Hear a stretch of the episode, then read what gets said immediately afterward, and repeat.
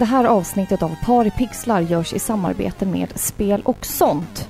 Och Robin, Spel och sånt huserar ju inte enbart tv-spel. Extra liv är nämligen arkadhallen som ligger vägg i vägg med butiken. Vad är Extra liv, Robin? Jag känner att vi måste ju fan ta upp det här nu alltså. Det är ju som du sa, lokalen som ligger vägg i vägg med butiken. Och låt mig måla upp ett scenario. Vi säger att du har hängt på Spel och sånt i Norrtälje hela dagen. Och jag menar, du har surrat med gänget. Ja men du vet, Peter och Borka och dem. Och du är törstig och behöver piggas upp. Då ligger Extra liv liksom precis där. Som liksom himlaportarna. Öppet vardagar 10 till 18 och helger 10 till 16. Och de har alltså shuffleboard, flipperspel och ett genuint utbud av alltså arkadspel. Det, det, och, och en jävla bar! De har fan Bishi Bashi och liksom bara ta några bira, koppla av. Helt jävla otroligt alltså. Vilka, vilka jävla genier dessa människor är. Ja, men de skapar ju det vi vill ha. Ja, och vill du så kan du boka hela jävla skiten. Vill bara- du så kan du bo där, trodde jag du skulle säga. Jag hade inte haft något emot Om det. det ändå vore så väl. Men hörni, åk till Norrtälje och kolla in Extra Liv nu. Tack till Spel och sånt.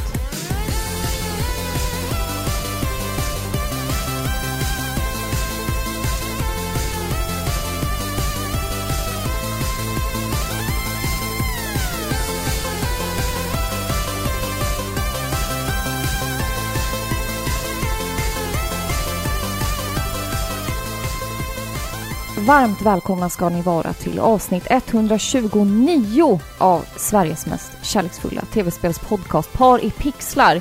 Jag som pratar heter Filippa och med mig har jag som vanligt Robin. Mm. Välkommen in i studion. Vadå, Grottan. vadå välkommen? Men nu är det jag som hostar. Välkomnar du mig eller välkomnar du lyssnarna? Dig? Nej, Ja. lyssnarna kanske. Ja, Det är låter mer trevligt. Studion är ju platsen där det händer. Det är ju våran bunker. Eh, This is where the magic happens. On the Ja. table. Ja, On the kitchen ja, men det är det. Vi sitter här vid köksbordet och det, Ja, det är ju här som. Par i pixlar eh, Skapas. skapas. Hur, eh, hur mår du? Hur mår du? Vad är det för... Jävla mår det? färsking. Vilken film Va? är det? Är det Stockholmsnatt? Ja, det stämmer, det stämmer bra. Jävla färsking. Ja. Hur många o- Den här då, vänta, vänta. odödliga... Den här, den här, vänta. Jag har inte snackat med farsan än. Nej, Man morsan är det. Har Man, inte bara snackat snack, man snackade liksom mer utdraget. Ja. Liksom. Och sen la bara till ett va efter allting. Va? Jag har inte snackat med morsan än. Va? Ja. Vilken film är det? Var inte det den också? Nej. Nej, nej men då vet jag inte. G som i gemenskap. Gemenskap Mag- med Magnus, ung... Magnus, Uggla, Magnus Uggla spelar en jävligt obehaglig karaktär i Jag tänkte säga Mugnas Agla. Mugnas Agla. Han spelar ju... Eh, han är lite betuttad i Niklas Wahlgrens karaktär då, som är kanske halva hans ålder. Jaha, ja han, men vill det, ju ta med, han vill ju ta med honom utomlands och grejer. Jaha, ja. Det är lite Okej. så här pervigt kanske. Men idag så sitter ju du och jag här. Klockan börjar bli ganska mycket, men vi är Ja. taggade på ett blandbandsavsnitt. Precis. Stormen yr utanför fönstret. Det är alltså det, det öser ner. Ja, ni får ursäkta om det liksom låter in med så här vind. Ja, vi har, vi, vi har inga bra fönster här liksom. Och grejer, så det låter igenom. De är bara vanliga fönster. Vi kanske får sätta upp så här, vad heter det, typ äggkartonger. Ja, på väggarna här. Ja, Men hur, var, var det bra med dig? Eller jag frågade hur du mådde. Jag fick, Jaha, jag jo fick, men eh, absolut. Ja, jag är här. Ja. Jo, nej men jag mår bra. Ja, skönt. Du då? Ja, jag mår bra. Alltså, jag, jag sitter ju med en drink här. Ja, absolut. Ja. Vi sitter ju här och dricker rom och cola. Vi har ju fått eh, bidrag eh, till, till våran al- stundande eh, alkoholism. Fylla. Vi fick ju, nu spoilade jag i och för sig det lite, vi fick ju ett paket ifrån våran lyssnare Palt Warrior, som också är en Patreon. Ehm, det klippet, när vi öppnar det här mystiska paketet, ligger nu på Youtube, så att vi tycker att vi ska gå in där och titta på det. Och när vi visar våra knivtalanger. Ja, vi är jävligt Shit. dåliga på att öppna paket. Tala för dig själv. Jag är ju en Nej, du, hade, expert. du strugglade ju också för att, få upp det där, för att få upp det där paketet. Jag hanterar ju knivar varje dag. Ja, det gör jag också. Det märks inte. Nej, men alltså, nej, men det, var, så det finns en liten video där, ni kan gå in och titta på oss när vi sitter i vårt kök och är allmänt tramsiga. Eh, tack så mycket till Peter för Ja, paketet. tack så sketans mycket. Ja, Ja. så att nu har vi rom idag. Rom Ja. och cola. En... eh, en, en eh, Jag måste säga att du gör den bra. Jag gillar Tack. inte rom och cola egentligen, för jag, jag gillar inte rom. nej. Det här Det- är ju en... eh, Oj, hör du vad du... Ja, herregud. Stormen. Stormen viner här ute. Mysigt. Eh, nej men det, det är en Cuba Libre som jag har gjort här. Och eh, anledningen till att jag gillar Cuba Libre så mycket är för att den ser så jävla god ut när den serveras i spelet Catherine. Jag visste det. Det var därifrån jag liksom så här. Nej, jag ska fan bli expert på att lära mig att göra Alltså, Cuba Libre. Det där är typ som... Det där är lika eh, icke-genuint, förlåt, som när jag började dricka svart kaffe för att eh, Agent Cooper gjorde det i Twin Peaks. Jag lovar att det Förstår är... du? Man vill så gärna typ ha en sån egenskap. Ja. Liksom. Vara Man- lite egen Men på man något vill, sätt. vara, man vill vara cool. Man vill vara cool. Ja. Ja. det är enkelt uttryckt. Jag undrar hur många människor det är där ute som dricker svart kaffe fast de egentligen vill ha lite mjölk i. Men det är bara för att Agent Cooper i Twin Peaks Är dricker det värt svart. det att leva hela sitt liv I en lögn. svart kaffe i en lögn? Ja, fy fan vad tramsigt. Fast svart kaffe är gott. Och typ är man riktigt sådär äh, Nej, men du, du har ju... zombietrött så... Du har ju inte ens... Alltså du brukar ju ha en skvätt av den här uh, Oatlys, den här i-kaffe. Ja, och det är ju egentligen steget ännu längre bort. Alltså kaffe är ju så här första steget Ja. eh, mildare. Ja. Sen har du ju i-kaffe som typ är kaffegrädde. ja. Alltså förstår du, det är ju mycket sötare. Mm, ja, jag, vet, yummy. jag, jag gillar inte kaffegrädde. Alltså, jag gillar inte i-kaffen heller. Jag tycker Nej, det blir, det blir så kanske här- du inte gör, men det betyder inte att jag har fel i det jag Nej, säger. jag gillar att ha en liten skvätt laktosfri Kiss. mjölk i mitt kaffe. Ingen socker. Vem fan har socker i kaffet? Vem Åh, fan har barn. det? Jag Men- drack kaffe när jag var liten. Ja, du ser hur du blev. Stissig. Ja, Ja. ja. Vi ska prata om en... eh, hur många spel är det? Fyra spel idag. Ja. Som vi ska beta av. Ja. Ehm, vi ska prata om lite annat först, men de, jag kan ju säga det, de spelen vi ska prata om i, ikväll är Luigi's Mansion 3 till Switch, The Outer Worlds, som du har spelat, till Playstation 4. Vi ska sen prata om Dragon Ball Z Kakarot. Och sen ska vi prata om Man of Medan. Vad är det för namn? Kakarot? Ja, ja, jag, ska, jag, ska jag säga det nu eller? Nej. Nej, okej. Jag, kan, jag kan ta det sen. Eh, men innan vi liksom trummar igång med dagens avsnitt så tänkte jag att... Eh, alltså jag har ju horat runt lite va? Ja, det har jag ju fått höra. Ja. Jag har ju gästat, Du har vänsterprasslat. ja, med två andra poddar Det är inte klokt Sen- alltså. sen, eh, sen vi gjorde avsnittet Vad sist här. heter det? Par pixlar är swingers. Ja, Vi gillar att bjuda till lite. visst är det en, en common fact att folk som är swingers Är har... lyckligare. Det, det vet jag inte. Alltså men de har ju eh, såna här eh, flamenco eh, fåglar i sin trädgård. Du vet, två... Man brukar ha Vad heter det sa du? flamen... Nej, vad heter det? Vad heter det då? Flamen, flamingo? Flamenco, det är dansen. det är flamenco... Eller? Flamenco och Det- flamingo. Ja, just det. Flamenco är dansen. Ja, Flamingo är fågeln. fågeln. Ja. Den rosa, som inte är så rosa fågel. Nej, Den är typ beige. Beige-vit typ. Nej men, men flamingo i alla fall. Man brukar väl sätta ut två sådana, alltså inte levande utan... utan då kanske i plast eller någon form av tunn metall. Eh, har man en sån i trädgården så brukar det eh, indikera på att familjen som bor Jaha. där är swingers. Jag har ju en av mina bästa tjejkompisar som Mm. älskar flamingos. Ja. Det kanske betyder något. Hon kanske inte har sagt allting för oss. ja men det står ju sig... Eh, alltså, jag, jag, i, i, med mitt arbete så är jag ju mycket runt Bland swingers. det, Jo, jo. Det är jag säkert. Men jag är runt mycket bland, bland folks bostäder. Alltså radhusområden. Och jag ser ju dessa sett flamingos dessa eh, lite strategiskt placerade. Det är någon som liksom har ställt en så här... eh, Det är en tomt som jag brukar åka förbi. Där det är liksom som ett litet berg och litet buskage. Och sen tittar man noga, då ser man två flamingostatyer stå i den där busken. Men vad då? Skulle det liksom indikera att Kom hit! Kom och ligg med mig och min partner liksom. Nej men det är att de, de, är- de kanske är med i någon form av... Men flamingo är ju en så här partygrej också. Folk har det på fester och allt möjligt. ja, men det betyder också att man är swinger. Jag jo, vet inte. Det är samma sak som... som eh, Men det, är att- typ, det känns så förlegat. Typ så här, har du en... Eh, eh, vad heter det? Har du en ring i örat, i vänsterörat, Ja. så är du homosexuell. det Nej, känns också så här... höger. Okej, höger. Det, det sa vi när vi var små. Höger är böger, sa vi Ja, alltid. det känns också så här förlegat. ja, det är ingen som lever efter det där. Jag vill bara tillägga att jag har ju vuxit upp sen, sen dess. Jag menar, sätter jag ut en flamingo, då hamnar jag och bjuder in främmande människor. Då hamnar jag på Efterlyst Då kommer det så här, du ställer ut och så kommer det så här främmande par och knackar på så här och du så öppnar och de bara Jaha, hej, här bor ni. Ja, vem är du? Ja, nej, vi bor här i trakten bara. Nej, jag tänkte mer att det kommer en, eh, en liga och Jaha. snor mina saker och jag hamnar på Efterlyst Jaha, nej, det, veckan efter. det typ. vete sjutton. Jo, det tror jag. Ja. Mm. Men i alla fall, jag har gästat eh, som Flamingo har jag varit runt och swingat med andra poddar.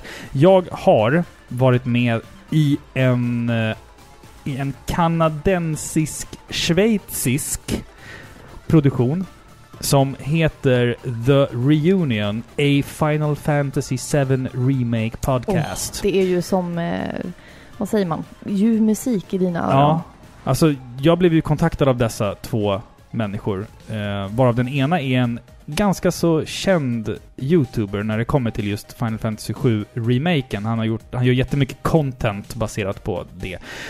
Eh, de kontaktade mig för jag var med i deras Discord-kanal och sen rätt vad det var satt jag och pratade om remaken med dem i typ två timmar. Eh, jag pratar engelska, jag stakar mig jättemycket. Du är jätteduktig. Ja, alltså, när jag lyssnade på det färdiga avsnittet sen så var jag ändå ganska nöjd. Eh, så att är man en Final Fantasy 7-nörd och är astaggad, likt mig, på remaken så kan man ju faktiskt gå in och lyssna på den. Återigen, The Reunion, a Final Fantasy 7 Remake Podcast.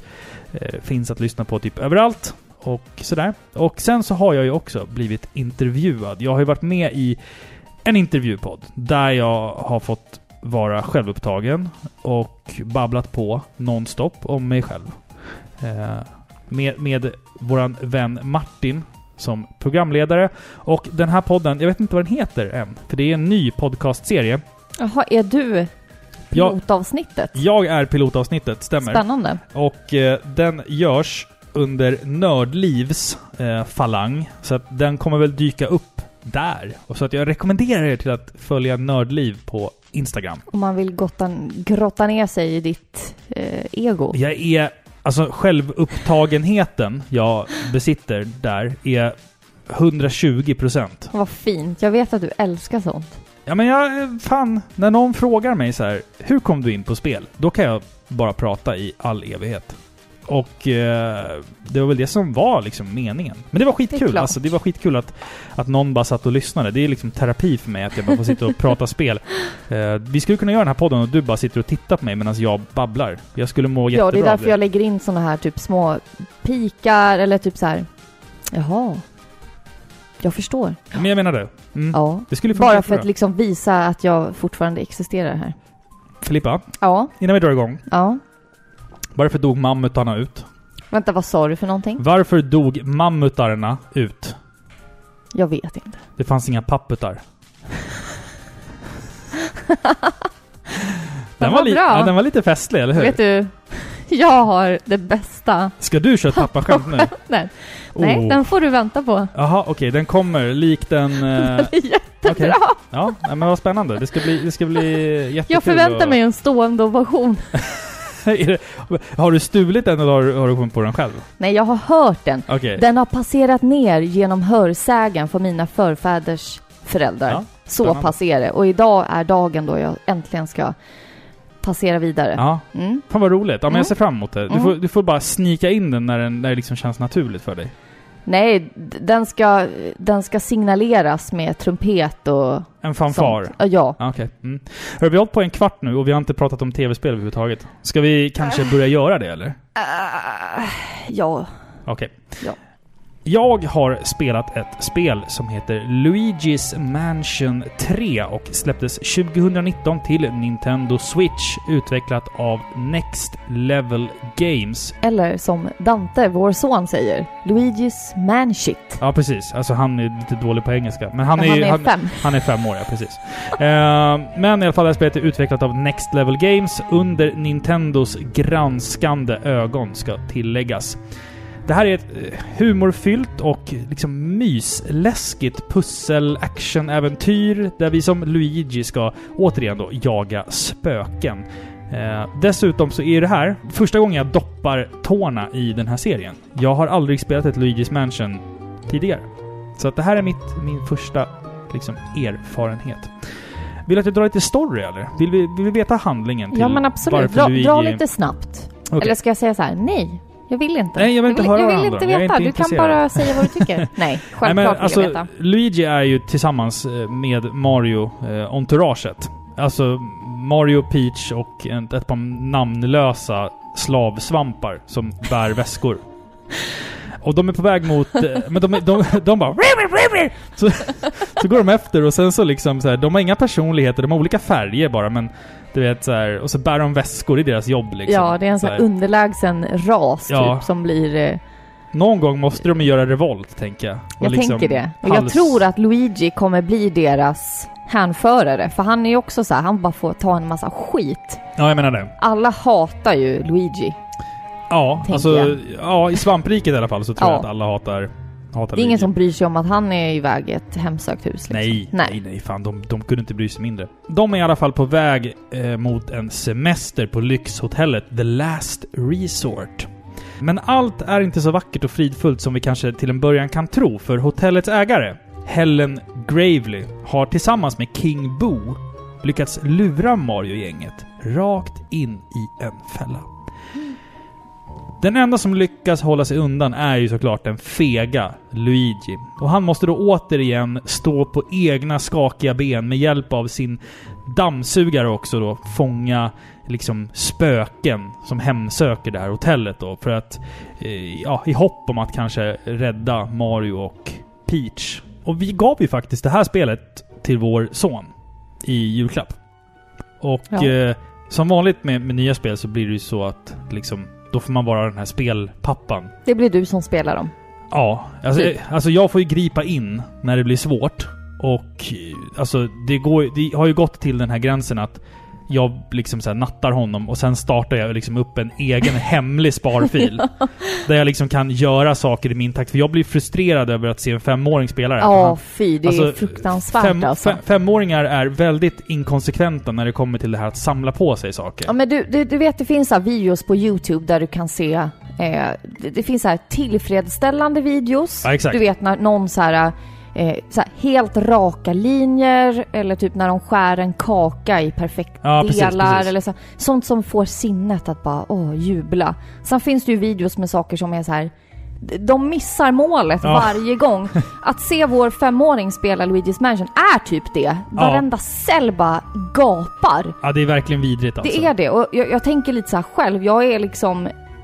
Jag, jag är nog inte som andra föräldrar för jag skulle inte kunna... Jag kan inte sitta och låta honom spela på min sparfil.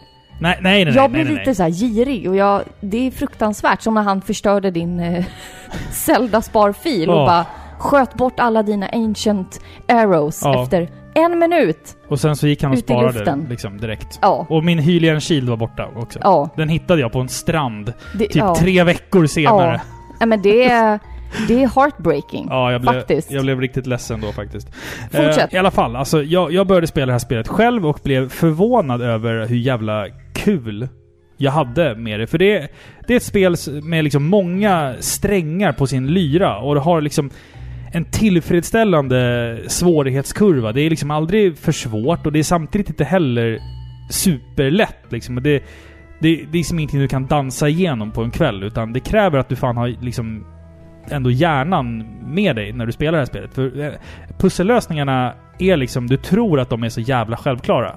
Fast de är inte alltid det. Så det krävs att du liksom har en, någon form av vuxen hjärna för att liksom ta dig igenom hela spelet. Och bossarna är väl lite knepiga också? Är de inte Ja, det? En del? Alltså, alltså så här är det. jag har hört en del svordomar Ja. från dig. Ja. Och det, det som är så konstigt är att svårigheten på bossarna pikar typ i mitten av spelet. I mitten av spelet så möter du de svåraste bossarna. Sen blir det liksom lätt igen. Det, eller så är det bara jag som liksom har gjort det här på helt fel sätt. Jag vet inte. Vi har i alla fall ett eh, enormt hotell som vi ska liksom ta oss igenom. Vi börjar på botten och Och det är i 2D kan man ju säga. Fusk 3D, liksom. Du, du ser ju honom från... Ja, alltså kameravinklarna är ju låsta. Liksom. Eh, fast du, det är ju väldigt mycket... Ja, du kan ju gå inåt också, Ja, precis. Det, det finns ju liksom ett djup, fast kamera, kameravinklarna är ju liksom fixerade och, Ja. och eh, stå, står där de är. Eh, och i alla fall då, så för att kunna liksom ta oss vidare på det här hotellet så måste man... Det är någon som har snott lamp... eller hissknapparna. Så vi måste hitta en ny hissknapp för att liksom kunna ta oss till nästa våning. Finns det inga trappor? Nej, det gör ju inte det. Eh, Så att du måste liksom hitta en ny knapp för att kunna ta dig till en våning upp. Eh, Och varje våning har liksom ett eget tema. Det kan vara liksom en, ett gym, eller ett växtrike. Eh, Och sen är liksom bossen då på, på det här temat då, då. Det är jävligt intressant. Man har liksom en 18, jag tror det är 17, 18 olika liksom... 15 är det väl? Är det så några? Eller är det, är det så? Alltså, Ja. är det, så? Det är inte några, men... men eh, ja, okej. 15-16 kanske det var. Jag, jag minns faktiskt inte. Det var, det var, jag spelade det här liksom runt, runt, eh, runt nyår. Men det som du då gör i Luigi's Mansion, som jag sa, det är att du ska fånga liksom spöken. Och då har vi ju en dammsugare på ryggen. Du har ju också en del färdigheter. Och du kan liksom blinka med en lampa och du har en sån här spöklampa som gör att du kan se hemliga osynliga saker. Du kan skjuta en sugpropp. Och det här spelet handlar ju mycket om att suga. Alltså, och det... Det blir så här jobbigt när man sitter i soffan. Typ... Eh, jag sitter och spelar med Dante och du springer runt där och håller på och gör någonting och så bara Nej men sug nu! Ja men sug då! Ja men kom igen då! Du måste suga mer! Ja men det blir så här.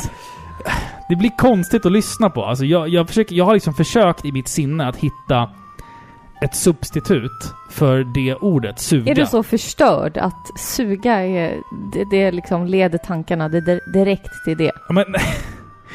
jag vet inte. Men alltså det, det är liksom så här. Och så det Dante sitter och spelar, och sen så står jag där bara och skriker och försöker liksom hitta ord som inte liksom är Sug upp, sug upp honom nu, su, sug honom. Liksom, sug Ja. spöket. Men förstår du vad jag menar? Alltså det blir Ja, liksom... det blir klumpigt liksom. Ja. Men alltså, i ärlighetens namn, jag hade oförskämt jävla roligt med det här spelet och eh, jag är faktiskt sugen på att spela de två tidigare spelen nu. Ehm, Ja, vad kul. för det här var alltså svinkul. Har man en Switch så finns det ju faktiskt några spel som man faktiskt måste äga. Och det är ju typ Mario Odyssey, Breath of the Wild, eh, några till och, och det här. För att det är, ja men det är, det här är liksom en sån där pärla som man... Jag tycker man måste fan spela det här, för det är skitkul. Har man möjlighet att typ så här, uppgradera Luigi? Finns det någon sån här karaktärsuppbyggnad? Nej, nej, alltså-? Egentligen inte. Förutom att du... Man bara är, liksom. Du börjar ju liksom med typ en förmåga på dammsugaren. Och sen så får du liksom fler förmågor. Okej, så det är dammsugaren som uppgraderas? Ja, exakt. Och i slutet så får du en så här super-mega-dammsugare. Liksom kan, Supersugare? Ja, supersugare som du liksom kan suga upp väggar med.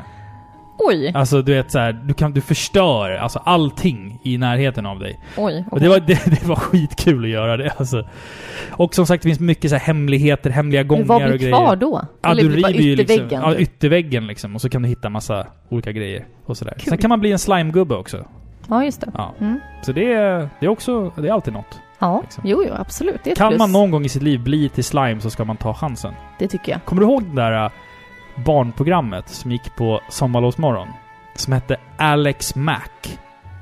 Det var en flicka Ja, som, som fick något, någon form av så här äh, mutagen, mutagen på sig. Och så kunde hon typ göra om sig till en så här blöt pöl på äh, så golvet. äckligt. Så här, hade man någonsin velat ha en, en superkraft så hade det inte varit det.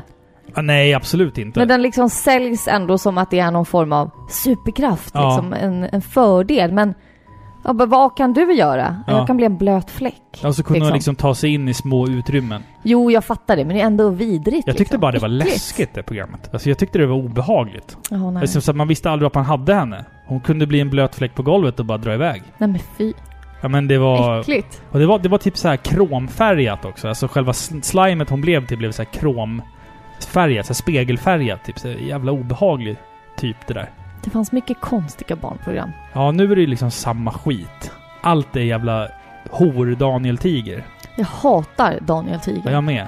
Vi hänger honom. Alltså, det Korsfästa senaste jag såg honom. nu, då bara stirrar han så här äh, frenetiskt in i, eh, in i kameran liksom. Ja. Och Åh, säger nej! så här korkade frågor liksom så här. Kan du se en rund cirkel någonstans? Så är den liksom direkt nedanför honom. Ja. Och så väntar han liksom för att ba- barnet då ska hinna svara på ja det. men inte ens men de barn gör är, inte det. Nej, och inte... Våra barn har aldrig så stått vid, vid tv-skärmen och bara Där Daniel, Nej. där! De fattar ju att det är på tv-program. Ja, Finns det så bara ens... står han och stirrar. Bara, Ja. Ja, där är den! Alltså, ja. Alltså stupid! Jag skulle vilja korsfästa Daniel Tiger på vår innergård här. Ja, men det är ingen, ingen förälder som tycker om Daniel Tiger. Nej. Och inte ens barnen. Freja vill ju att vi ska byta varje gång. Inte gilla Daniel Tiger, Nej, säger hon ju. Inte ens barnen gillar Nej. Daniel Tiger. Apropå våra barn, hör du. Våran son har ju även recenserat Luigi's Mansion 3. Jag tänkte vi kanske kan lyssna på det. Ja, absolut. Mm. Du har ju spelat Luigi's Mansion 3, eller hur? Ja, det var svårt på discorummet så... Discorummet, det är ju faktiskt den sista våningen i spelet. Näst sista våningen i spelet. Sen kommer sista våningen. Jag är på sista Men om, våningen. om, om vi börjar så här då. Vad, vad är det man gör i Luigi's Mansion 3? Man ska suga spöken och kom och hitta knappar till hissen. Ja, just det. Man, man har en liten typ dammsugare på ryggen som man ska fånga spökena med. Ja, man blixtrar först med ficklampan och sen ska man ta sugaren och suga dem. Men på röda spöken måste man gå till fjärten och suga dem. Till fjärten. Eller jag menar deras rumpa. Ja, just det. Du måste skjuta dem och sen springa runt dem, ja. Tycker du att det är läskigt? Nej, det är inte läskigt. Tycker Det att är det lagom är... läskigt. Är det lagom läskigt för, För dig? barn i alla fall. Ja, och du är ju fem år, så det passar ja, dig. så det passar mig. Vad tycker du är... Vad tycker du är... Tycker att det är svårt, eller är det lätt? Jag är svårt på diskorummet men jag är så kissnödig. Är du kissnödig? Ska, Ja. vi, ska vi avbryta här då? Ja, um, vi ses. Uh, hej då. Ja, det var Dantes recension av uh, Luigi's Mansion 3. Man shit. Manshit 3. Luigi's man shit. Dante kommer tillbaka eh, lite senare i avsnittet. Sen blev den så här med en- Avengers. med en till Dante recension. will return in Avengers. In the next review. Hörru, ska vi köra lite musik eller? ja, men det gör vi. Ja, vi slänger in en gammal åtta bitare här.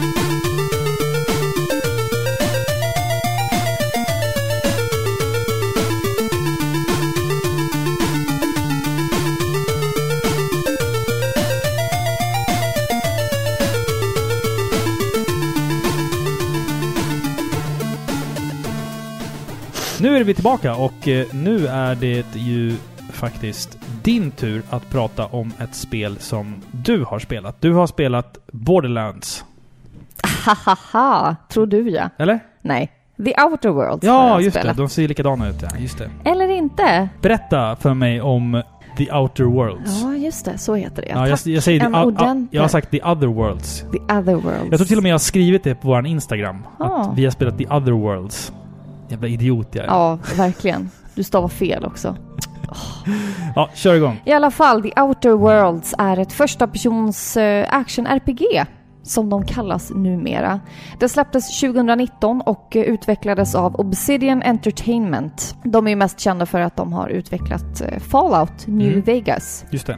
Och det ser man. Vi befinner oss i en inte alltför avlägsen, men alternativ framtid där människorna har tagit de första stegen ut i världsrymden eh, och smått liksom börjat kolonisera andra planeter och solsystem. År 2285 skickas två enorma skepp fullt med kolonisatörer till ett solsystem som får namnet Halcyon. Men det är bara ett av dem som kommer fram. Det andra skeppet försvinner och blir typ en myt bland de här nyinstallerade invånarna i Halcyon. Vi hoppar framåt till år 2355, året då den efterlysta forskaren Phineas Wells hittar det här försvunna skeppet. Och med det de bortglömda och djupt sovande kolonisatörerna. Du är en av dem. Av alla kolonisatörer så är det endast dig som Phineas lyckas väcka. Han förklarar att förhållandena på Halcyon inte blev så bra som de först trodde. De skurkaktiga organisationerna håller ett hårt grepp om befolkningen och livet är väldigt svårt. Han tror att svaret finns att hitta bland de överlevande ombord på det försvunna skeppet, som passande nog har namnet The Hope. Du skickas ut till en närliggande planet där ditt uppdrag blir att hitta en besättning och slutligen även en lösning på galaxens problem. Så vi har alltså politik, vi har bygga ett lag, vi Ja. har rymden och Jajamän. utforska, eh, kolonisera andra planeter. Är det Mass Effect du har spelat? Fast du bara läst fel? Man skulle kunna tro det, Ja. faktiskt. Ja, men det här är ju ett spel som eh, på många sätt liknar Mass Effect och typ Fallout. Mm. Men jag tycker att det här är ett väldigt eh, underhållande spel faktiskt, som besitter flera eh, fördelaktiga moment, eller vad man ska säga, men även en hel del problem. Först av allt då så är det just det här att det är en blandning mellan Mass Effect och Fallout. Mm. Exakt så. Och du har... i, i Borderlands-kläder. Ja, ja, ja. Du Ja. vill ha i Borderlands också. Ja. Du har liksom miljöerna från Mass Effect, du har rymdstationer, du har eh, interaktioner, bygga relationer mellan de här eh, rymdvarelserna. Eh, men samtidigt så är världen söndrad och liksom förstörd på ett sätt som liknar Fallout. Och man märker liksom att det är samma utvecklare till Fallout Vegas som det är till det här. Eh, och man har även en rätt så stor värld att utforska, vilket är då väldigt likt Fallout. Är det en värld eller liksom olika planeter Det är olika i? planeter Ja. som du kan gå fritt på. Mm. Eh, och de här miljöerna har även de här 50-talsvibbarna Mm. som man har i Fallout. Och lite såhär Bioshock nästan ibland. ja, faktiskt. Jag, jag har ju bara Faktiskt. sett lite grann av spelet liksom. Men jag, Jo, men det är så. jag, jag får, så här, estetiskt så tänker jag liksom på en blandning av typ eh, Fallout, eh, Borderlands och Bioshock. Typ. Jajamän, och Ja. det är på många sätt spelets nackdel. För att det enda jag tänker, alltså rent krasst så vill jag kalla det här en sämre version av Fallout och Mass Effect. Mm. De försöker på rätt uppenbara sätt att vara som dem. Men når liksom inte riktigt fram. Mm. Och det blir så uppenbart. Men hur, hur, eh, du kanske kommer in på det senare, men jag tänkte, du, du har ju, är, är det liksom samma upplägg som Fallout? Att du har ett main quest och sen liksom massa olika side quests? Ja, alltså det här är ju ett eh, västerländskt rollspel. Ja. Så du har ett main quest och så har du, du kan ha, eh, istället för att du bara har side quests så kan du ha, de har delat upp det. Det är väl det enda som är lite krångligt i det här spelet, Jaha. att de delar upp i olika. Vissa heter companion quest, eh, vissa heter side quest, vissa heter tasks. Okej. Eh, ja.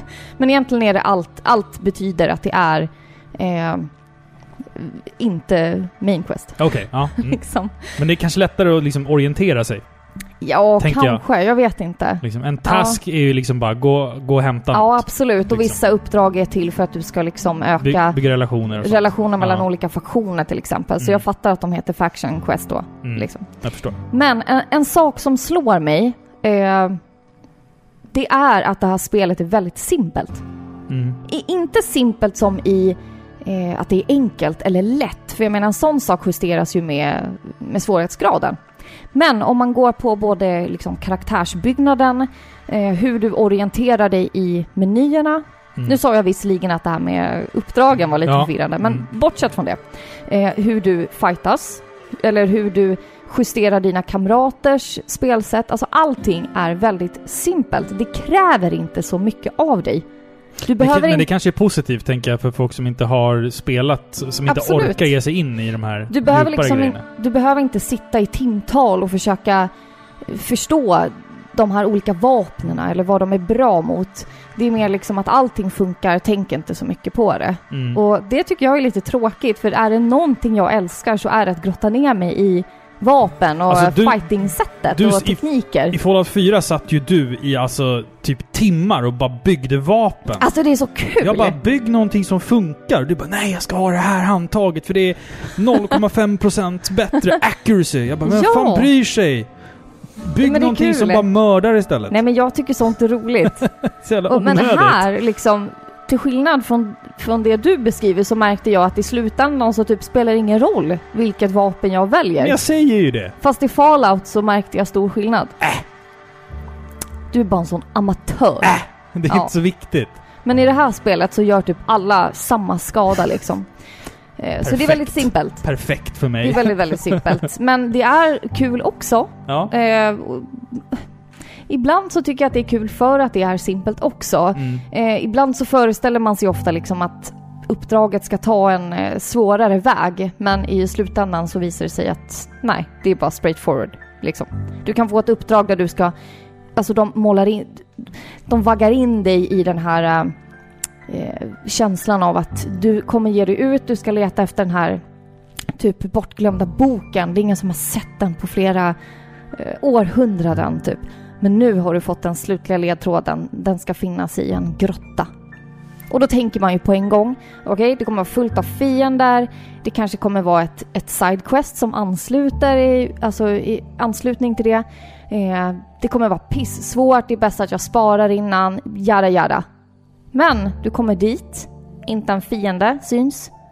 Du går in i grottan, fortfarande ingen fiende. Du går några steg till, du märker oj, där ligger en mina. Du smyger förbi den, hittar boken och uppdraget är klart. Man bara, alltså vad har hänt? Har jag gjort något fel? Eller, vad skönt. fast jag, ja, jag vet jag. inte. Ja, kanske. Alltså det är rätt skönt om man bara vill köra ett RPG utan the fuss liksom. Ja, jo.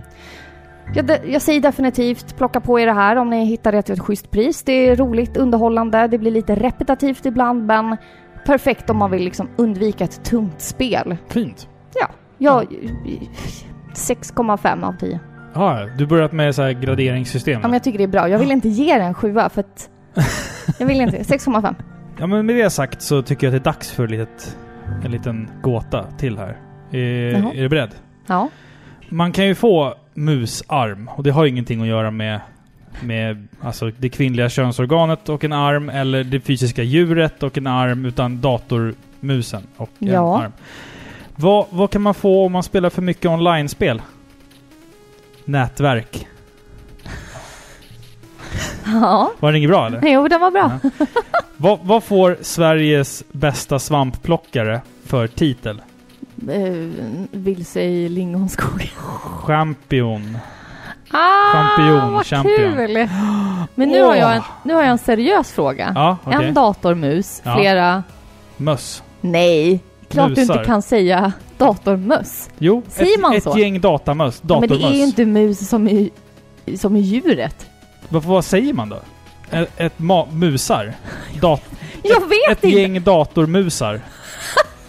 ett gäng datormöss? Det här är en seriös fråga. Ja, Kallar man det verkligen datormöss? jag tror det. Det låter ju jättedumt. Ja, men det ser ju ut som en mus. Alltså med Jo, men öron. Och sådär. Ja. Fast svansen Säger sitter man liksom... så? Ja, jag tror det. Svansen Men det- sitter i munnen. Det är, Vi har, vi har det ju är en rätt sån här, vad heter den, den här skräckfilmen när de äter varandra. Human Centipede. Fy fan, vilken skitfilm det är Ja, alltså. vilken skit Men det, det är alltså. som det jag pratade om Oops. förut. När vi pratar om eh, det här med det rädda rådjuret. Ett rätt rådjur Ja, är R-Ä-T-T. Ett ja rätt eller rådjur. det är också godkänt. Jag har kollat upp det här, jag har googlat det Ja, här. jag med. Googlat det här. Ja. Eh, det, det är godkänt att skriva R-Ä-D-T. ja, precis. För att hänvisa till ordets eh, liksom grund. Rädd. Mm. grund. Ja, exakt. Och det är samma sak med barn. Ett rädd... barn. Ja, men därför, i den situationen, då väljer man ett annat ord. Ett skrämt barn. Ett skrämt ja, barn. Annars är man bara dum i huvudet. Om man ska Ja, hålla eller på. typ såhär, man ändrar meningsuppbyggnaden. Man säger ett barn som är rädd, Ja, precis. kan man ju säga. Ja. Då har vi rätt ut det. Smart. Rätt. Rätt ut, räddet ut det. Det här avsnittet av Par i pixlar görs i samarbete med arkadspelstillverkaren Arcade Dreams. Okej Filippa, gör nu som jag säger. Mm. Okej. Öpp, öppna din webbläsare och så går du in på arcadedreams.se och sen så in på deras webbshop. Okej, nu. Och sen klickar du på Acme XL. Acme Excel. Bam alltså! Det är, Wow. ju, det är ju vansinnigt vilka snyggt designade maskiner som finns där nu. Du ser, det Schysst. är nya designer. Ja, Det här är ju för fan ett bredare färgutbud än typ allt på IKEA. Och det är som jag sagt förut Filippa, alltså en arkadmaskin är ju för fan en möbel. Det, eller det är mer än en möbel, det är ett jävla statement. Jag är fan en, jag är en gamer. Jag lever för spel! spel. Ja. Det spelar ingen roll om du bor i en koja eller ett, ett slott. Alltså en sån här maskin måste du ju ha. Och du och jag, vi talar ju av erfarenhet för vi har ju en sån här XL-maskin. Jajamän. Och den är vi otroligt nöjda med. Och det svåraste är ju egentligen bara så här vad man ska ha i maskiner. Men gå in på arcadedreams.se. Det finns massor med möjligheter. Ja, det finns ju oändligt med val, kan man säga. Arcade Dreams gör verklighet av dina arkadspelsdrömmar. Tack så mycket Arcade Dreams. Jag har spelat spelet Dragon Ball Z Kakarot som släpptes i år faktiskt. Och det är ett action-RPG släppt till Playstation 4, Xbox One och PC. Vad är historien bakom namnet? Vi kommer till det, ta det lugnt. Okej. Det är utvecklat av CyberConnect 2 och släppt av Bandai Namco. Och vi, vi kör en liten crash course i Dragon Ball Z, för vi fick ju aldrig den på svensk TV. Så jag undrar Filippa, vad har du på... Nu tänker inte jag säga vad har vi på Dragon Ball Z, utan vad har du på Dragon Ball? Och Dragon Ball Z? Jag har inte spelat det här spelet. Jag har inte läst någon... Eh, jo, jag har bläddrat lite i min sons eh, manga. Och konstaterat att det är mycket snusk. Det är jättemycket olämpligheter. Ja. Bulma, Ja. till exempel. Det betyder väl trosa, trosor eller någonting. Uh, ja, precis. Jag tror... Jo, jag tror Den där det. gubben, den där perversa gubben som jämt ska... Prata inte skit om sköldpaddsherren. Ja, skitäcklig. Det är en så här superförlegad serie. Ja, men den är ju liksom hundra år gammal. De är skitfult tecknade. Jag hatar den tecknarstilen. Alla ser så... Du, du, du har sagt tidigare att det- ser ut som att alla Akira Toriyamas karaktärer har fått en stroke. Ja men det ser ut som det. Ja. Det är som att de har tio attacker. Ja, men det, det är tråkigt jag att du tycker som det. ingen kan se. det. Det är tråkigt att du tycker det. Jag tycker inte om Dragon Ball. Men du är i alla fall en av få i. Sverige som ändå, ändå har en liten relation till Dragon Ball. Eftersom att jag har ju sett på Dragon Ball lite, lite grann och visat på våran son. det har gått några dåliga filmer som ska vara löst baserade på Dragon Ball också. Va? Ja, Vart, vart då? alltså så här live action-filmer. Jaha, det har inte jag. Ja, Dragon Ball Evolution. Let Ja. us not talk about Nej, that. jag tycker också det. Eh, Bara skit. I alla fall, Dragon Ball Z är ju en japansk anime-serie som är baserad på Akira Toriyamas manga med samma namn. Alltså manga är ju serietidning, det, det vet väl alla i mig. Serien visades på japansk TV mellan 1989 och 1996. I serien så får vi ju nu följa en vuxen Goku som tillsammans med sin familj och vänner ska hålla jorden ren från elaka utomjordingar och av alla dess slag egentligen. Förutom den liksom säregna tecknarstilen och eh, dramat karaktärerna emellan så har ju seriens liksom huvudsakliga fokus alltid varit på de extremt fräcka och överdimensionerade fighting-scenerna. Vi har nog alla säkert sett någon form av populärmedia, spel, anime eller vad fan som helst, som liksom inspirerats av dessa fighting-scener. It's over 9000. Ja, exakt. Det är till och med blivit, till och med blivit memes liksom. Eh, Men de här fighting-scenerna var ju faktiskt seriens eh, signum i många, många år. Serien nådde ju också en enorm popularitet världen över och har transponerats om till spel ett par gånger tidigare. Min relation till Dragon Ball har ju några luckor, minst sagt. Jag har ju läst nästan alla de här böckerna som Bonnier gav ut i Sverige, översatta till svenska. Och när det kommer till Dragon Ball Z så har jag faktiskt sett några av de här filmerna man har släppt på svenska. Vilket slöseri med tid. Sluta nu. Men det, det, är tillräckligt mycket för att jag liksom ska kunna... Jag har sett tillräckligt mycket Dragon Ball Z för att jag ska kunna känna igen mig i det här spelet. Och det kommer ju såklart att liksom påverka min relation till spelet, för att jag har ju en relation till Dragon Ball Z. Nu tänkte jag prata lite om spelet, men det här är i alla fall en återberättelse av några av de mest ikoniska berättelserna ifrån Gokus ark i anime och manga-serien då. Så det som händer i spelet har hänt? Ja. Det är liksom en återberättelse av många av de storylinesen som finns i eh, serien. Vi får såklart också stifta bekantskap med alla Gokus familjemedlemmar och vänner och då såklart ovänner. Man har kort och gott tagit de, som jag sa, starkaste delarna ur serien och klistrat ihop det till ett spel där man mellan uppdragen eh, återskapat många av de här klassiska Dragon Ball Z-scenerna i Unreal Engine. Och det är... Finns It's Over 9000? I spelet? Ja. Det tänker jag inte avslöja riktigt. Nej. Alltså det... Nej, men jag säger ingenting. Jag säger ingenting.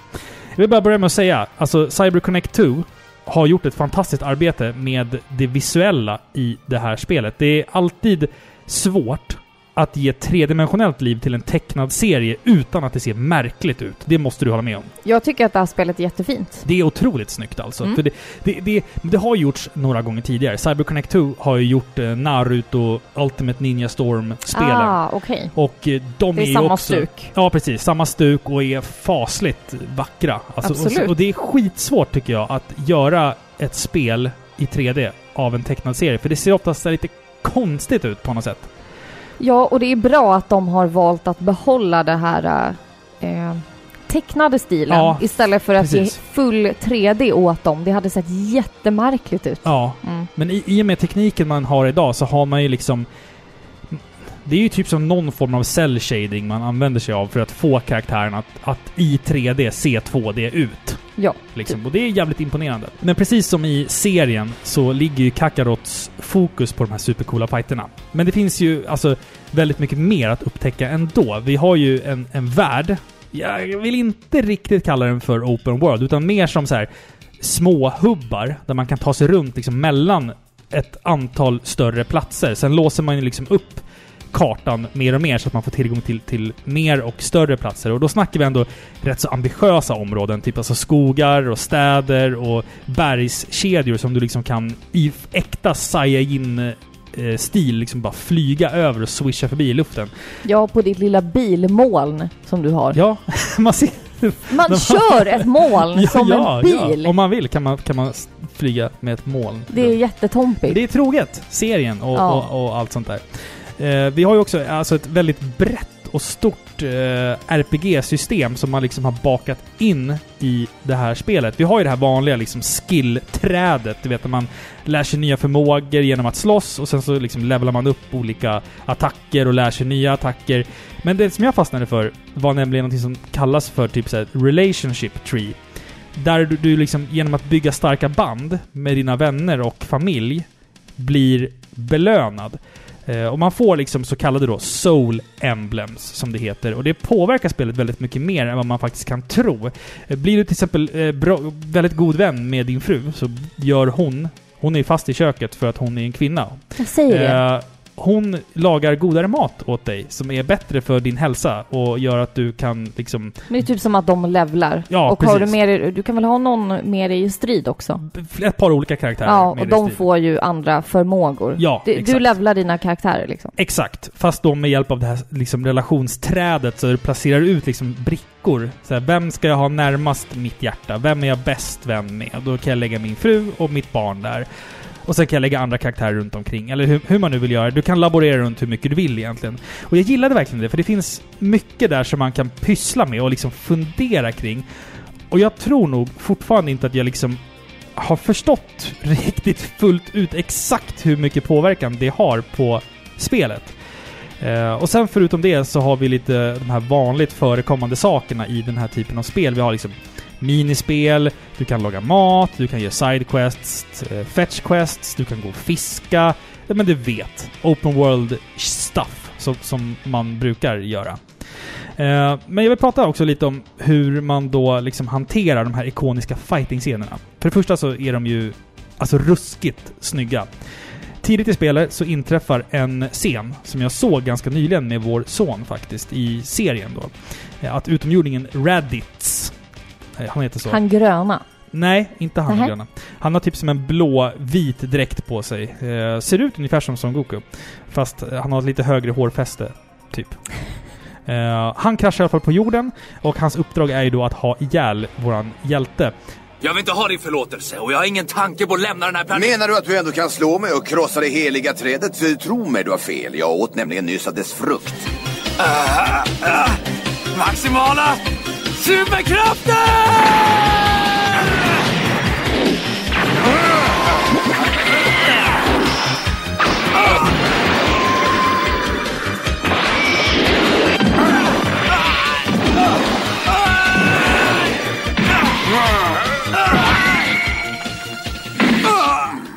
Be om nåd nu. Ja, Jag vill se dig böja knä, bönfalla mig och spara ditt liv. nej, aldrig. Jag har sagt till Gohan att jag aldrig ger upp. Vill du att jag krossar ditt huvud? Jag ger aldrig upp. Jag sa ju... Fel beslut. Då så! Och som jag sa, jag såg det här nyligen i animen. Och sen får jag se exakt samma scen återskapat i det här spelet. Och det var så här. Ballt. Det var sjukt coolt. Och så får jag liksom såklart... Så får jag ju liksom slåss. Precis som i animen. Den här liksom ikoniska fighting-scenen. Och liksom du vet, man flyger runt i luften och man kan teleportera sig och så slåss man då för att komma nära. Eller man, man tar sig liksom nära sin fiende eh, och sen så liksom kör du en combo och sen slår fienden bort dig. Och då börjar han skjuta projektiler på dig. Och då blir det liksom typ som ett bullet hell, att du ska liksom dodga hans projektiler och försöka ta dig närmare honom för att sen liksom ge honom en rejäl combo och sen en ordentlig jävla kamehameha rätt i nyllet. Och, Får jag säga en sak? Ja. Man fick ingen tutorial. Ja, jo man får en liten tutorial i Du början. var ju tvungen att gå in och kolla kontroller. Du var ju tvungen att pausa alltså, ja, för att, spelet. nej, men så bara, här. Du, hur, hur slåss man? du får en tutorial i början, fast varenda knapp har liksom typ sju olika funktioner i det här spelet. Ja. Så att man måste liksom säga, just det, nu skulle jag hålla in L2, trycka på R1 och cirkel och kryss samtidigt. Så att alltså kontrollschemat är väldigt, väldigt, väldigt avancerat. Men det är också för att stridssystemet är relativt avancerat. Det är ingenting som du bara liksom, en sparkknapp, en slagknapp och sen så kör du. Utan det är liksom, det, det, det, fighterna är liksom på sätt och vis strategiska för att det finns så mycket olika alternativ att göra. Teleportera sig, flyga snabbt, dodga, slå, sparka, kombo, skjuta saker. Alltså det finns liksom oändligt med med valmöjligheter i dessa liksom coola fighter.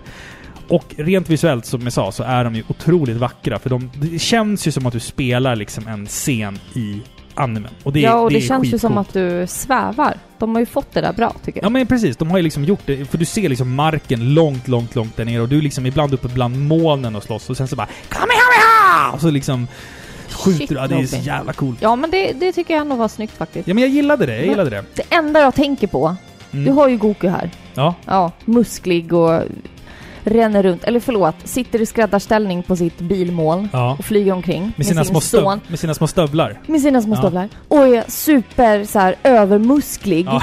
Du vet, ser så här äckligt ut liksom. Ja, det är bara ja. en massa senor och ådror som pekar ut liksom. Så har han en barnröst. Ah, konnichiwa! Och åker runt med sin son som Ja. typ låter äldre än honom Ja, själv. Va? Ja, men, Nej! Varför? Vad är logiken? Jag blir förbannad. Jag Ska blir jag lite säga? förbannad faktiskt. Anabola steroider gör att pungkulorna ja, blir liksom Mindre. förändrade. Ja, så han nej. måste ha börjat med anabola steroider innan han kom in i målbrottet. Det Det är är, mitt, teori. sv- det är mitt svar på okej. frågan. Men jag vill veta ett seriöst svar. Varför de har liksom anlitat en, en pojke till att göra rösten till Ja. honom. Men ja, Varför? Inte. Det är bara så knäppt. It's Japan! Det är bara knäppt. Och det här lilla huvudet och den här enorma kroppen. Det är som den här God Hand. Nej, inte God Hand. Vad heter det? Det andra Ja, spelet. eh, vad heter som det? är så här Fist of. Fist of the North Star. Fist of the North Star. Ja. Den här, alltså Dragon Ball kvalar in på andra plats. Ja. Herregud. Ja, det, ja men det, det är också coolt. Fast det är lite, det är lite mer liksom blod och sånt. Det här, det här är ju inte det är blod. lite liksom. coolare. Ja, nej, jag vet inte fan. Jag tycker, jag föredrar nog fan Dragon Ball alltså. Men, alltså, vad får du för betyg alltså jag då? säger så här. jag gillade Dragon Ball Z Kakarot. Eh, men jag behöver spela det liksom ännu mer för att det, det är kul. Alltså jag, jag vet att det finns så mycket mer att upptäcka än det jag har pratat om ikväll här. Eh, och jag gillar att man liksom att man liksom gör mer än bara ett fightingspel. Att man faktiskt gör liksom små öppna världar, att man liksom bakar in ett RPG-element. Mhm. Det är mer än bara så här, ja ah, nu ska du slåss. Utan, Men eftersom den ska eh, gestalta kända scener Ja. ur Dragon Ball, mm, är de så här lösryckta? Eh, och att de i verkligheten, eller om man går då till eh, mangans kronologi, är de Mm. liksom utspelar de sig typ flera, flera år emellan? Alltså, känns storyn liksom helt osammanhängande eller känns det som att det flyter på? De har knutit ihop ja, det alltså på precis. olika Man, sätt. man, man, har, man har med, med sax och lim eh, klippt och klistrat. Så händelserna är egentligen helt främmande för varandra liksom?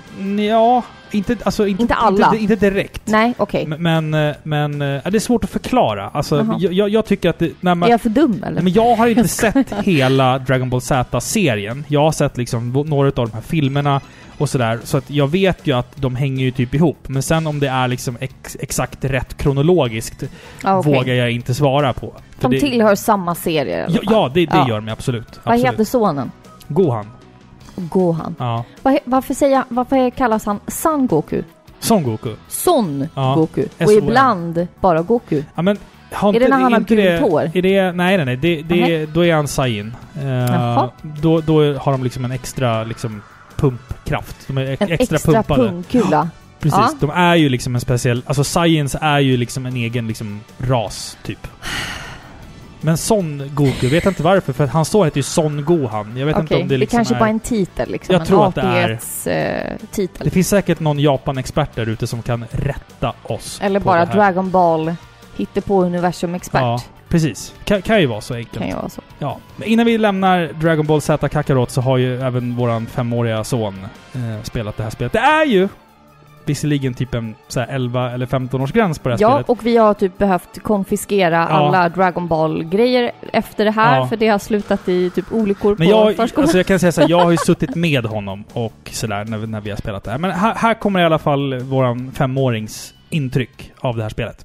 Nu är Dante med här och eh, jag tänkte vi ska prata lite om Dragon Ball Z Kakarot. Dragon Ball, har du, har du sett de filmerna på TV eller någonting? Ja, jag har väl sett det på tv. Jag, jag har de, alltså jag har fått jättemånga sådana, men fast på svenska och så. Det är svårt att hitta sådana på svenska. Ja, de har gjort några filmer som de har dubbat till svenska. Ja. Vad är det du tycker är kul med, med Dragon Ball-spelet då? Att man, det är så svårt att hitta äh, Dragon Balls v- lilla unge på spelet. Vi har inte hittat honom än. Vi bara följer Dragon Ball-stjärnor och vi kommer aldrig till... Och när vi kommer till det rätta landet då är det bara massa folk och stad. Där det är inne ett monster där eller gör något dumt sådär. Så man får utforska lite som i Zelda ungefär. Ja, Och vad gör man mer än att utforska då? Slåss man också? ja. Och jag besegrar jättemånga minirobotar. Okej, tycker du att det är det kul att slåss i det spelet? Jag kanske lite. Alltså när jag är hemma så jag får inte rita upp våld för det är ju läskigt. Nej, men du får inte rita våld, nej. Precis. Men vad tycker tycker du att det är kul att slåss i Dragon Ball-spelet? Ja, det tycker jag väl. Är det snyggt då? Ja, det är snyggt animerat. Ja, coolt. Men de Ja. har ju byggt om en ny röst på Goku och Ja, du har spelat på Gohan. japanska. ja. Men de har ju ny röst. Han brukar låta mycket konstigare i filmerna. Ja, just det. Vad har du för favoritkaraktär i Dragon Ball? Det är han som får gult hår. Är det han som heter Vegeta? Eller menar du när Goku får gult hår? Ja. Ja, det är coolt. Innan vi kör lite musik Filippa så vill jag bjuda dig på en eh, liten, eh, en liten, liten rolig här. Fiskbilen krockade idag. Men, eh, ja. Det var ju tur att det var bara lättare lackskador. Lackskada. Ja. Laxskador. Den var fin. Ja. Ja, okej. Men du? Ja, Vad heter prins Alibabas hungrige son? jag vet inte. Mums Filibaba. Visst var den bra? Ja, den var helt okej faktiskt. Ja, den var bra! Ja. Jag vet ju också att, ja, vi pratade om Luigi's Mansion tidigare här. Alltså jag vet ju att eh, Luigi är alkoholist, men Super Mario... Den var fin. Ja. Ja. Nej, vi kör lite musik. Ja.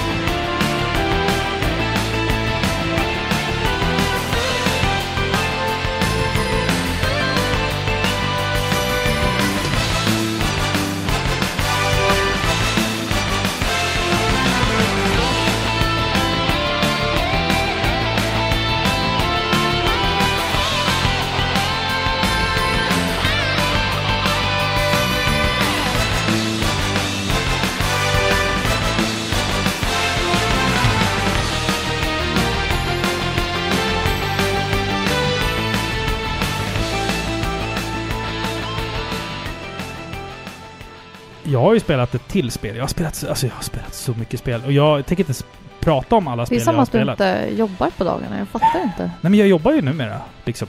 Ja, jag Heltid. vet. Det är det jag Jag säger. är tillbaka på heltid sen ett jag tag nu. vet. Det är Jag- som att du har löst gåtan och får några extra timmar på dygnet.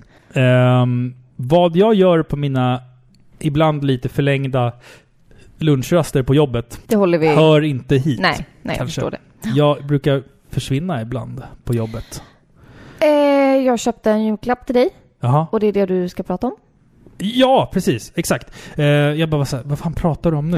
Eh, jag har spelat det interaktiva survival horror skräckdramat Man of Medan.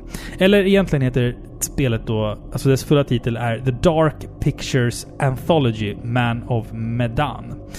Eh, och det här är alltså som jag sa en interaktiv skräckfilm kan man väl typ beskriva det. Har man spelat Heavy Rain, Beyond Two Souls eller Until Dawn så förstår man det här konceptet. Dina val påverkar spelet. Ja, exakt. Supermassive Games har gjort det här spelet och de låg ju även bakom det eh, sistnämnda spelet här, Until Dawn. Som vi har faktiskt gjort ett helt avsnitt om. Ja, eh, bra spel. för länge, länge, länge, länge, länge sedan. Och Väldigt länge sedan. det här är alltså då spel två av tre. Så att Until Dawn var ett, det här är tvåan och sen så kommer det en tredje del. De hänger inte ihop på storyn. Vet man när? Eh, I år I år? kommer den sista delen i detta, eh, denna saga då. Ja. Man har i alla fall som jag sa då lånat eh, och importerat i stort sett hela Until Dawn. Eh, fast man har liksom klätt om det. För att det är i stort sett samma liksom spelupplägg. Ska jag berätta lite om storyn här? Ja, gärna. Nu, nu kommer i alla fall den här liksom regnet och den dunkla musiken. Hör nu, nu är det läskig Ja, stämning Det är här. lite läskigt här tycker jag. Vi är ombord på ett jävla fartyg nu alltså. Jaha, okej, Mm. gungare. Spelet tar ju sin början någon gång under andra världskriget och ett enormt fartyg ska ta sig över Atlanten. Men något mystiskt händer med besättningen och båten kommer aldrig fram. Många år senare i modern tid så beger sig ett kompisgäng ut på en dykresa. Målet är att hitta ett hittills orört flygplan från andra världskriget som väntar på dem någonstans på havsbotten. Men saker och ting blir väldigt snabbt dramatiska.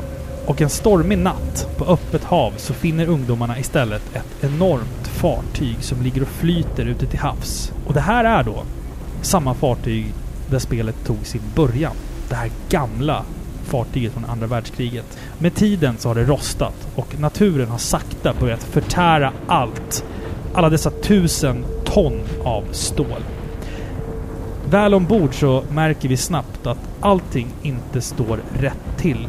Och vad var det egentligen som hände den där stormiga natten någon gång i mitten på 40-talet? Ni känner säkert igen premissen eh, för att ni har kanske spelat... Ungdomar på Ja, en väldigt dålig plats att vara på. Precis, och jag, när jag spelade det här spelet, det första jag tänkte på var så här: hoppas alla har tagit stel, stelkrampssprutan. Mm, ja, För det är typ. mycket rostiga metallgrejer Men- här. Jag minns att eh, lite liksom premissen med Until Dawn var ju att det skulle vara en teen slasher.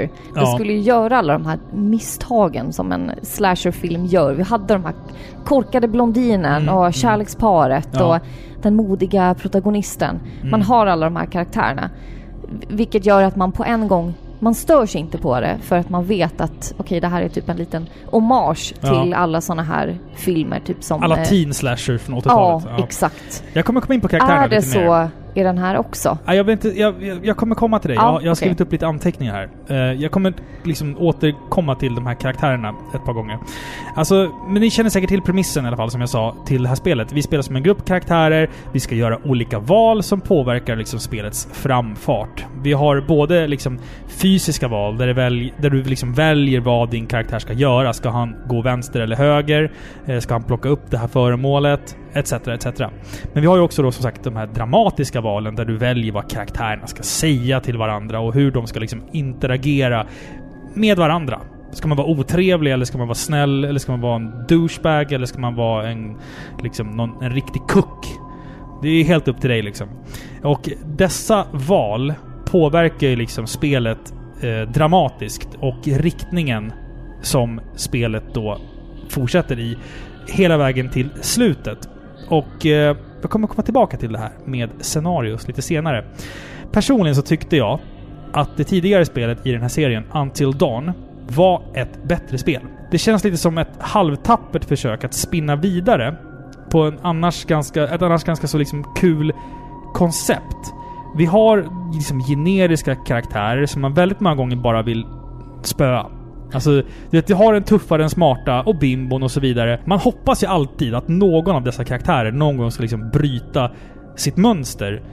Men det gör de liksom aldrig. De utvecklas liksom inte alls. Och det är lite, det är lite tråkigt liksom. Bimbon är en bimbo hela... Lägger ett 90-talsord det. Bimbo. Bimbo, Lambretta. ja, jag bara på. bra Men- låt. Bra låt. Väldigt ja. bra låt. Men jag tänker så här också att eftersom det här är ett spel som bygger på vad du som spelare vill att karaktärerna ska göra. Mm. Och då är, blir man lite låst. Nu, Ja. nu tänker du att hur kan man vara låst då eftersom man själv får välja? Jo, för att, för att du som eh, spelare ska känna dig bekväm i att välja åt de här karaktärerna. Mm. Hear me out Mm. nu. Du, du får ju liksom lära känna de här. De är ju liksom stereotypa karaktärsblad. Alla har varsitt ark med olika egenskaper och sådär. Och för att du ska känna dig bekväm nog att välja åt dem. Ja, jag tycker att hon känns som en sån här person. Jag väljer det här valet för det ligger i hennes natur. Därför måste de vara stereotypa. Hade bimbon som nu har liksom halva spelet agerat ut som en sådan. Om hon bara bytte riktning totalt så hade Mm. du inte känt... Du hade tyckt att det, varit, alltså att det var omotiverat. Ja, precis. Och du hade, inte kun, du hade inte känt dig bekväm med de valen du hade gjort. Det, det är liksom, jag, som jag förstår dig nu, Ja. så, så handlar det lite om att vill jag fortsätta spela på karaktärernas stereotyper? Eller vill jag liksom göra det som är bäst för karaktärerna?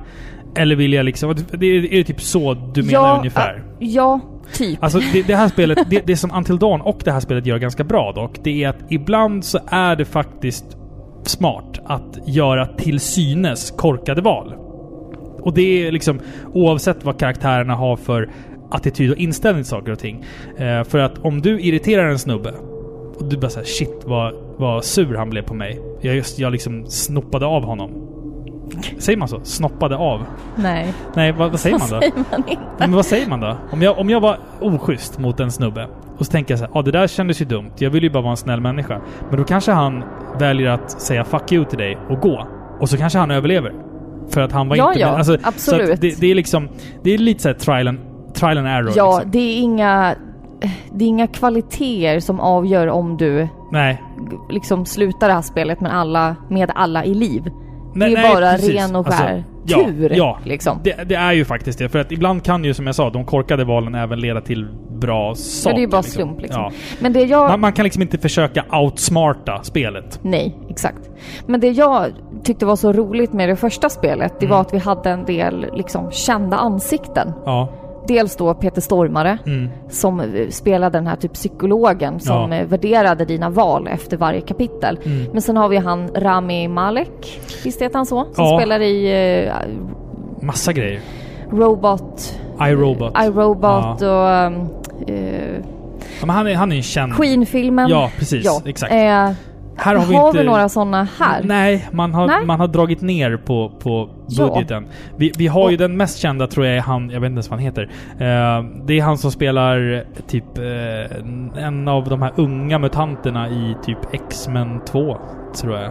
Jaha, okej. Ja, jag vet inte ens vad han heter. Alltså, men det är inga, det är inga, det är liksom Det är inga inga, stora inga. A-list celebrities vi snackar här. Konstigt. Utan, ja, men jag tror att man ville kanske spara in. Man kanske, man kanske tyckte att i första spelet att det liksom skulle vara en unique selling point. Att man hade massa kända namn. Men sen så tänkte de att nej, det blev för dyrt. Det, spelar ingen roll ändå. Ja, eller, så är det så här, eller så är det bara att de tänker sig att vi vill inte att du ska associera våra karaktärer med liksom kändisar. Alltså, vi tror inte vår, på vårt spel tillräckligt Nej, nej mycket. men alltså, så inte, vi inte med det. Alltså, förstöra att, ser här. du Peter Stormare, då tänker du ju liksom på Fargo och du tänker på att han ofta spelar ryss, du tänker på att han är en landsman till dig. Alltså du tänker ju och aldrig på hatar eh, online-casino. online-kasinon. Väl, han har väldigt starkt hat för Ja, online-casino. han. Men det är klart, sitter han där i sin norrländska... Ja. Eh, oj, där ramlade jag av bordet. ja. Norrländska stuga. Hej, Stormar här igen med uppmaning No more online gambling. Sluta och falla in i träsket. För övrigt, må- måste jag säga en, en sak om Stormare. Vet du, vet du om att han spelar i ett band? Ja, du har sagt det förut. Med, med, med vilka? Nej, det vet jag inte. Nej, han spelar ju för fan i Linderman. Med till Linderman från Rammstein. Jaha. Peter Tägtgren ifrån Ja. Hypocrisy. Såklart. Och sen så bara, äh, vi kastar in Peter Stormare. Vilken jävla drömmix! Ja. Hur jävla... Alltså hade man inte bara velat här, lyssna på de tre när de bara pratar om Bara ingenting? vara i deras närhet. Men det är tre...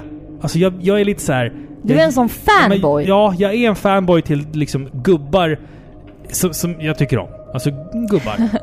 eh, och sådär. Peter Tägtgren, Peter Stormare och Till Lindemann. Man hade ju bara velat sitta och lyssna på dem. Ja, absolut. Alltså, vilka, vilka sköna konversationer de måste Be dem signera din tutte. Ja, Mm, kanske. det hade du nog gjort. Ja. I alla fall, åter till det här. Ja, Eh, vad tänkte jag säga? jag vet inte. Ja, tack för den Robin. Nej men jag tänker så här att första spelet Ja. var ju... Det blir ju oundvikligen, just det, det var det jag skulle säga. Mm. Det blir ju oundvikligen att man jämför de två, så Ja, det är därför jag ja. gör det. Eh, det första spelet hade ju en väldigt, väldigt intressant plott och man blev väldigt förvånad. Eller hur? Det var en twist. Eh, ja, det var det. Du minns? Ja. Mm. Det här spelet har väl inte... Jag, jag tänker inte spoila det. Nähä? Alltså, Ingenting? nej, nej, jag, vill, Nej. inte- jag vill inte avslöja om det är en twist eller inte. Nej, nej. Du behöver Le- inte säga så, men det Ja. känns ju inte som ett lika starkt kort. Här känns det ju som att eh, du ska liksom... Du ska ta reda på vad som hände på det där skeppet. Ja. Och that's it.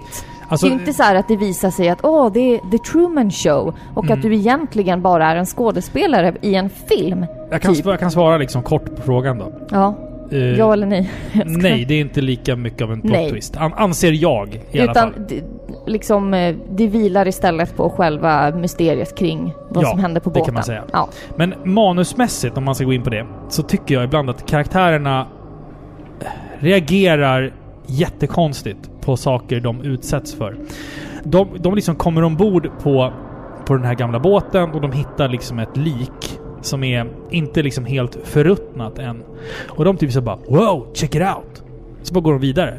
Jag hade liksom såhär Oh my fucking god. Det är, Det är Jag hade ett- typ är hållit liksom en ett- liten begravning. Ja men det är liksom ett lik som har legat sedan andra världskriget. Man hade ju såhär, åh, fan otroligt alltså. Ta fan, lite vad selfies obeha- med men så här, vad obehagligt.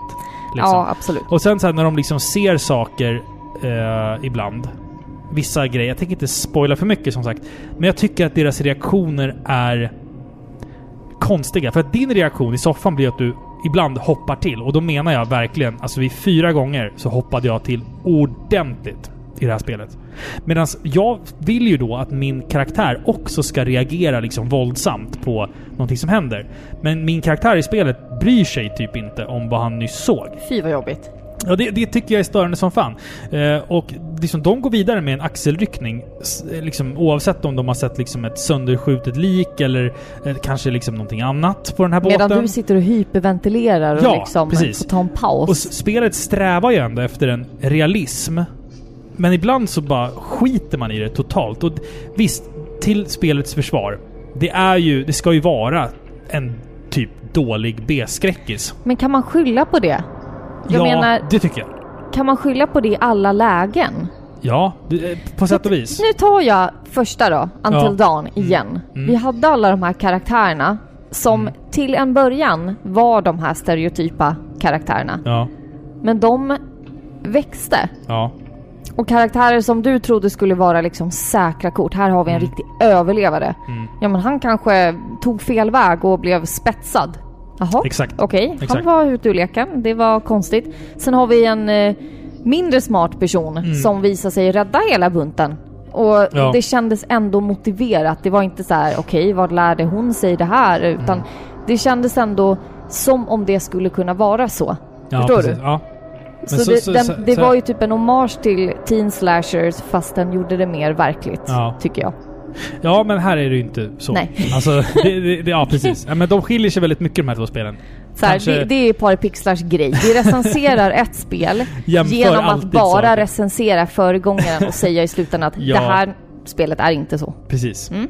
Nej men det var ändå en, eh, alltså det är ändå ett jävligt så här, snyggt och spännande spel. Eh, jag hoppade till som jag sa ordentligt ett par gånger och...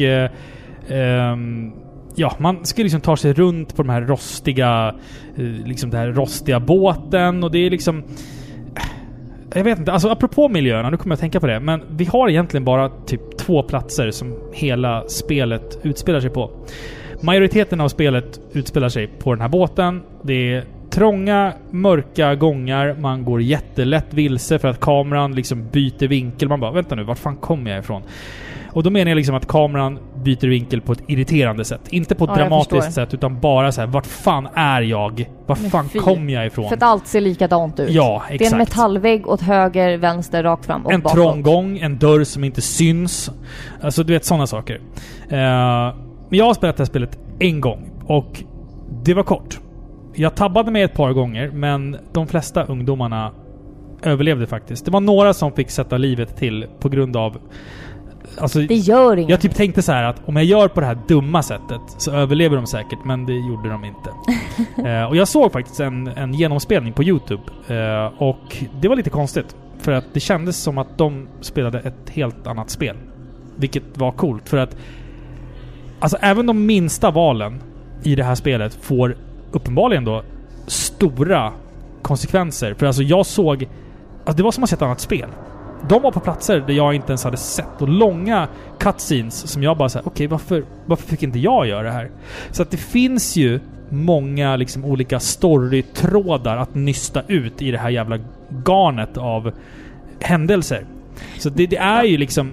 Det är ju säkert mycket, mycket smartare och större än vad det liksom utger sig för att vara. Absolut, men frågan är om det är ett smart drag som eh, spelutvecklare egentligen.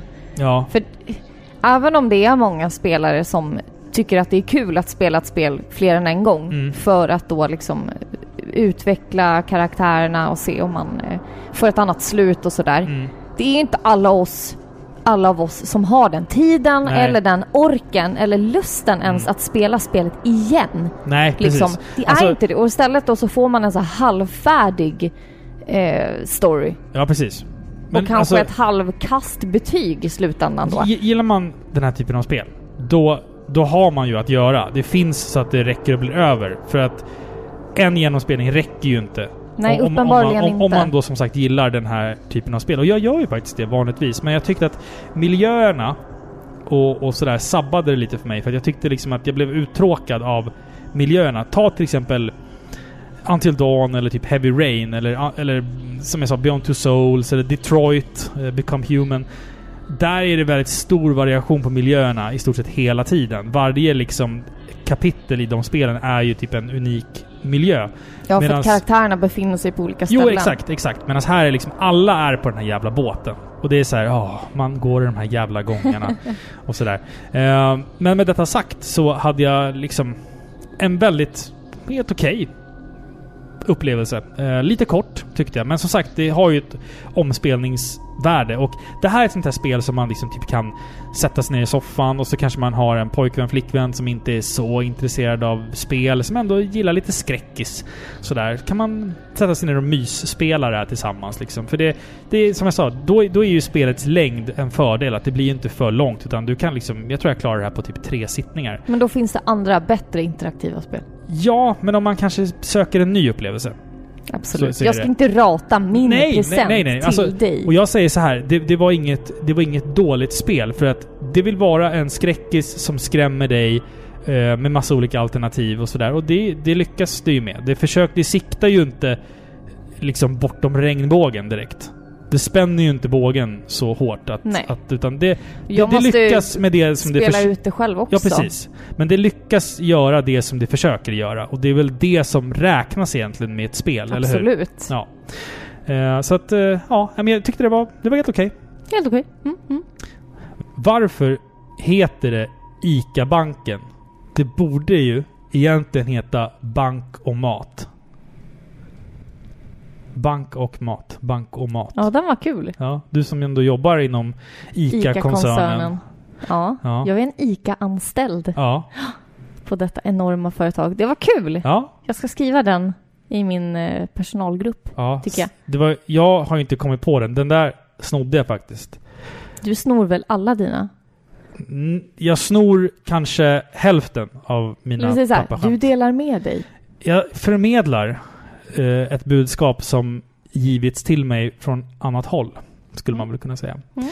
Det är dags att packa ihop för idag, hörru. Det är det. Ja, Det här har varit ett mysigt avsnitt. jag tycker det också. Ja, Faktiskt. vi har Eh, fått ut en massa skitsnack. Ja, och våran son fick säga sitt också. Ja, Det är kul. Vill ni höra Ja. mer av honom så låt oss veta det. Han kan ju hoppa in och liksom gästa lite det är då och då. typ det bästa han vet, att Ja. få vara här. Han har ju typ, han har inga framtänder kvar. Han har ju tappat dem nu. Så att han kan ju inte, alltså det är lite Han så här, visslar lite när han så här, pratar, det äh, är coolt. Ja, precis. Visselpratar liksom. Man får liksom vrida ur puffskyddet på micken efter allt saliv sen han har suttit här. Ja, shit vad han spottar. Men det är så här barn. De har ingen kontroll på någonting. Jag fattar inte, det är så här, man blir nedstängd. Ja, verkligen. Det, det är så här, man får vända bort ansiktet Ja. liksom, varje gång. När man Så ska hemskt. prata med en så vänder man bort ansiktet. Ja, förlåt. Ja. Så här, jag, jag lyssnar på dig, men... Ja. Hemskt. Ja, vad gör vi nästa gång? Det vet vi inte va? Vi har lite idéer, men vi vet Ja. inte riktigt vilken ordning vi ska Nej, ta. precis. kan man ju säga. Precis. Men tills dess så kan ni ju gå in och stötta oss på Patreon. Ja, Patreon.com snedstreck paripixlar kostar väl 3 dollar, vilket är, jag vet inte, typ 25 spänn.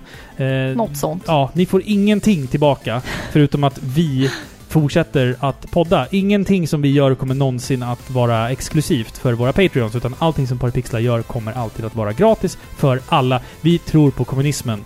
Eh, Robin, men det, det är väl lite kommunistisk ådra i, i att ha det så, eller? Kanske. Ja. Jag vet inte. Vi säger demokratiskt, så låter det bättre. Ja, vi kan säga demokratiskt Ja, då. så Eh, vi. så att eh, ni... Pengarna som ni då bidrar med kommer att eh, hjälpa oss att köpa ny utrustning och eh, kanske göra några resor till olika festivaler och eh, liksom, event och grejer och sådär. Så vi se. kommer inte gå till alkohol. Det får vi ju de här fina presentkorten Vi har ju fått, till. vi har fått tre presentkort på Systembolaget så att någon Ni vill... är helt otroliga. Ja, men vi, jag tror att folk liksom har den här bilden av oss eh, so, som, eh, som man har av Ulf Lundell. Att det blir lite bättre när det krökas lite. Börja sup igen, Uffe. Ja. Det var ju under de här åren som Ulf Lundell var nykter och relativt frireligiös. Ja, Eh, och Nyreligiös. släppte ett, ett par dåliga skivor. Ja. Då började folk gå på hans konserter med plakat där det stod 'Börja sup igen' uppe. Fy vad Så hemskt. jävla fint. Så Det är hemskt. så jävla fint. Så gjorde han det också. Ja. Och sen kom ju liksom de bästa skivorna efter det. Ja men det är så det funkar. Al Ja. al al alkohol leder ju oftast bara Men till bra Då saker. tycker jag att då fortsätter vi att supa. Ja, vi krökar vidare. Ja. In i nästa... Eh, nästa Dimma. avsnitt. Ja, nästa dimma. Ja. Tack hörni för att ni har lyssnat. Vart Ja. kan man hitta oss? Vi finns på alla podcast-appar, på iTunes, videospelsklubben.se samt paripixlar.se. Vi tycker också att ni ska gå in och följa oss på Facebook och Instagram för att ni ska på enklaste sätt hålla er uppdaterade med vad fan vi pysslar med. Eh, Och det är fan värt att följa oss på Instagram. Vi, vi, där lägger vi upp grejerna liksom direkt när de kommer ut sen. Ja, Pang! Det gör vi. Ja. Och eh, vill ni oss någonting? Det är klart ni vill oss någonting. Ni kan skriva vad som helst till paripixlar gmail. kan ju komma med lite fler pappaskämt. Ja men kom med skämt eller roliga historier eller... Berätta hur er dag har varit. Ja men lite så. Det tycker vi är jättekul. Ja, Ja. det är inte alltid vi svarar men... Förs- säg om, om ni, vad ni har tyckt om avsnittet. Ja, precis. Eller vad ni vill höra mer eller mindre av. Ja, precis. Allting. Precis. Mm. Men eh, tack för att ni har lyssnat på Sveriges mest kärleksfulla tv-spelspodcast Par i pixlar, där vi pratat om spel. Ja. Idag. Nästa gång kanske det blir film. Vi får se. Kanske det. Vi säger ingenting. Varför viskar vi för? Puss hej! Puss hej.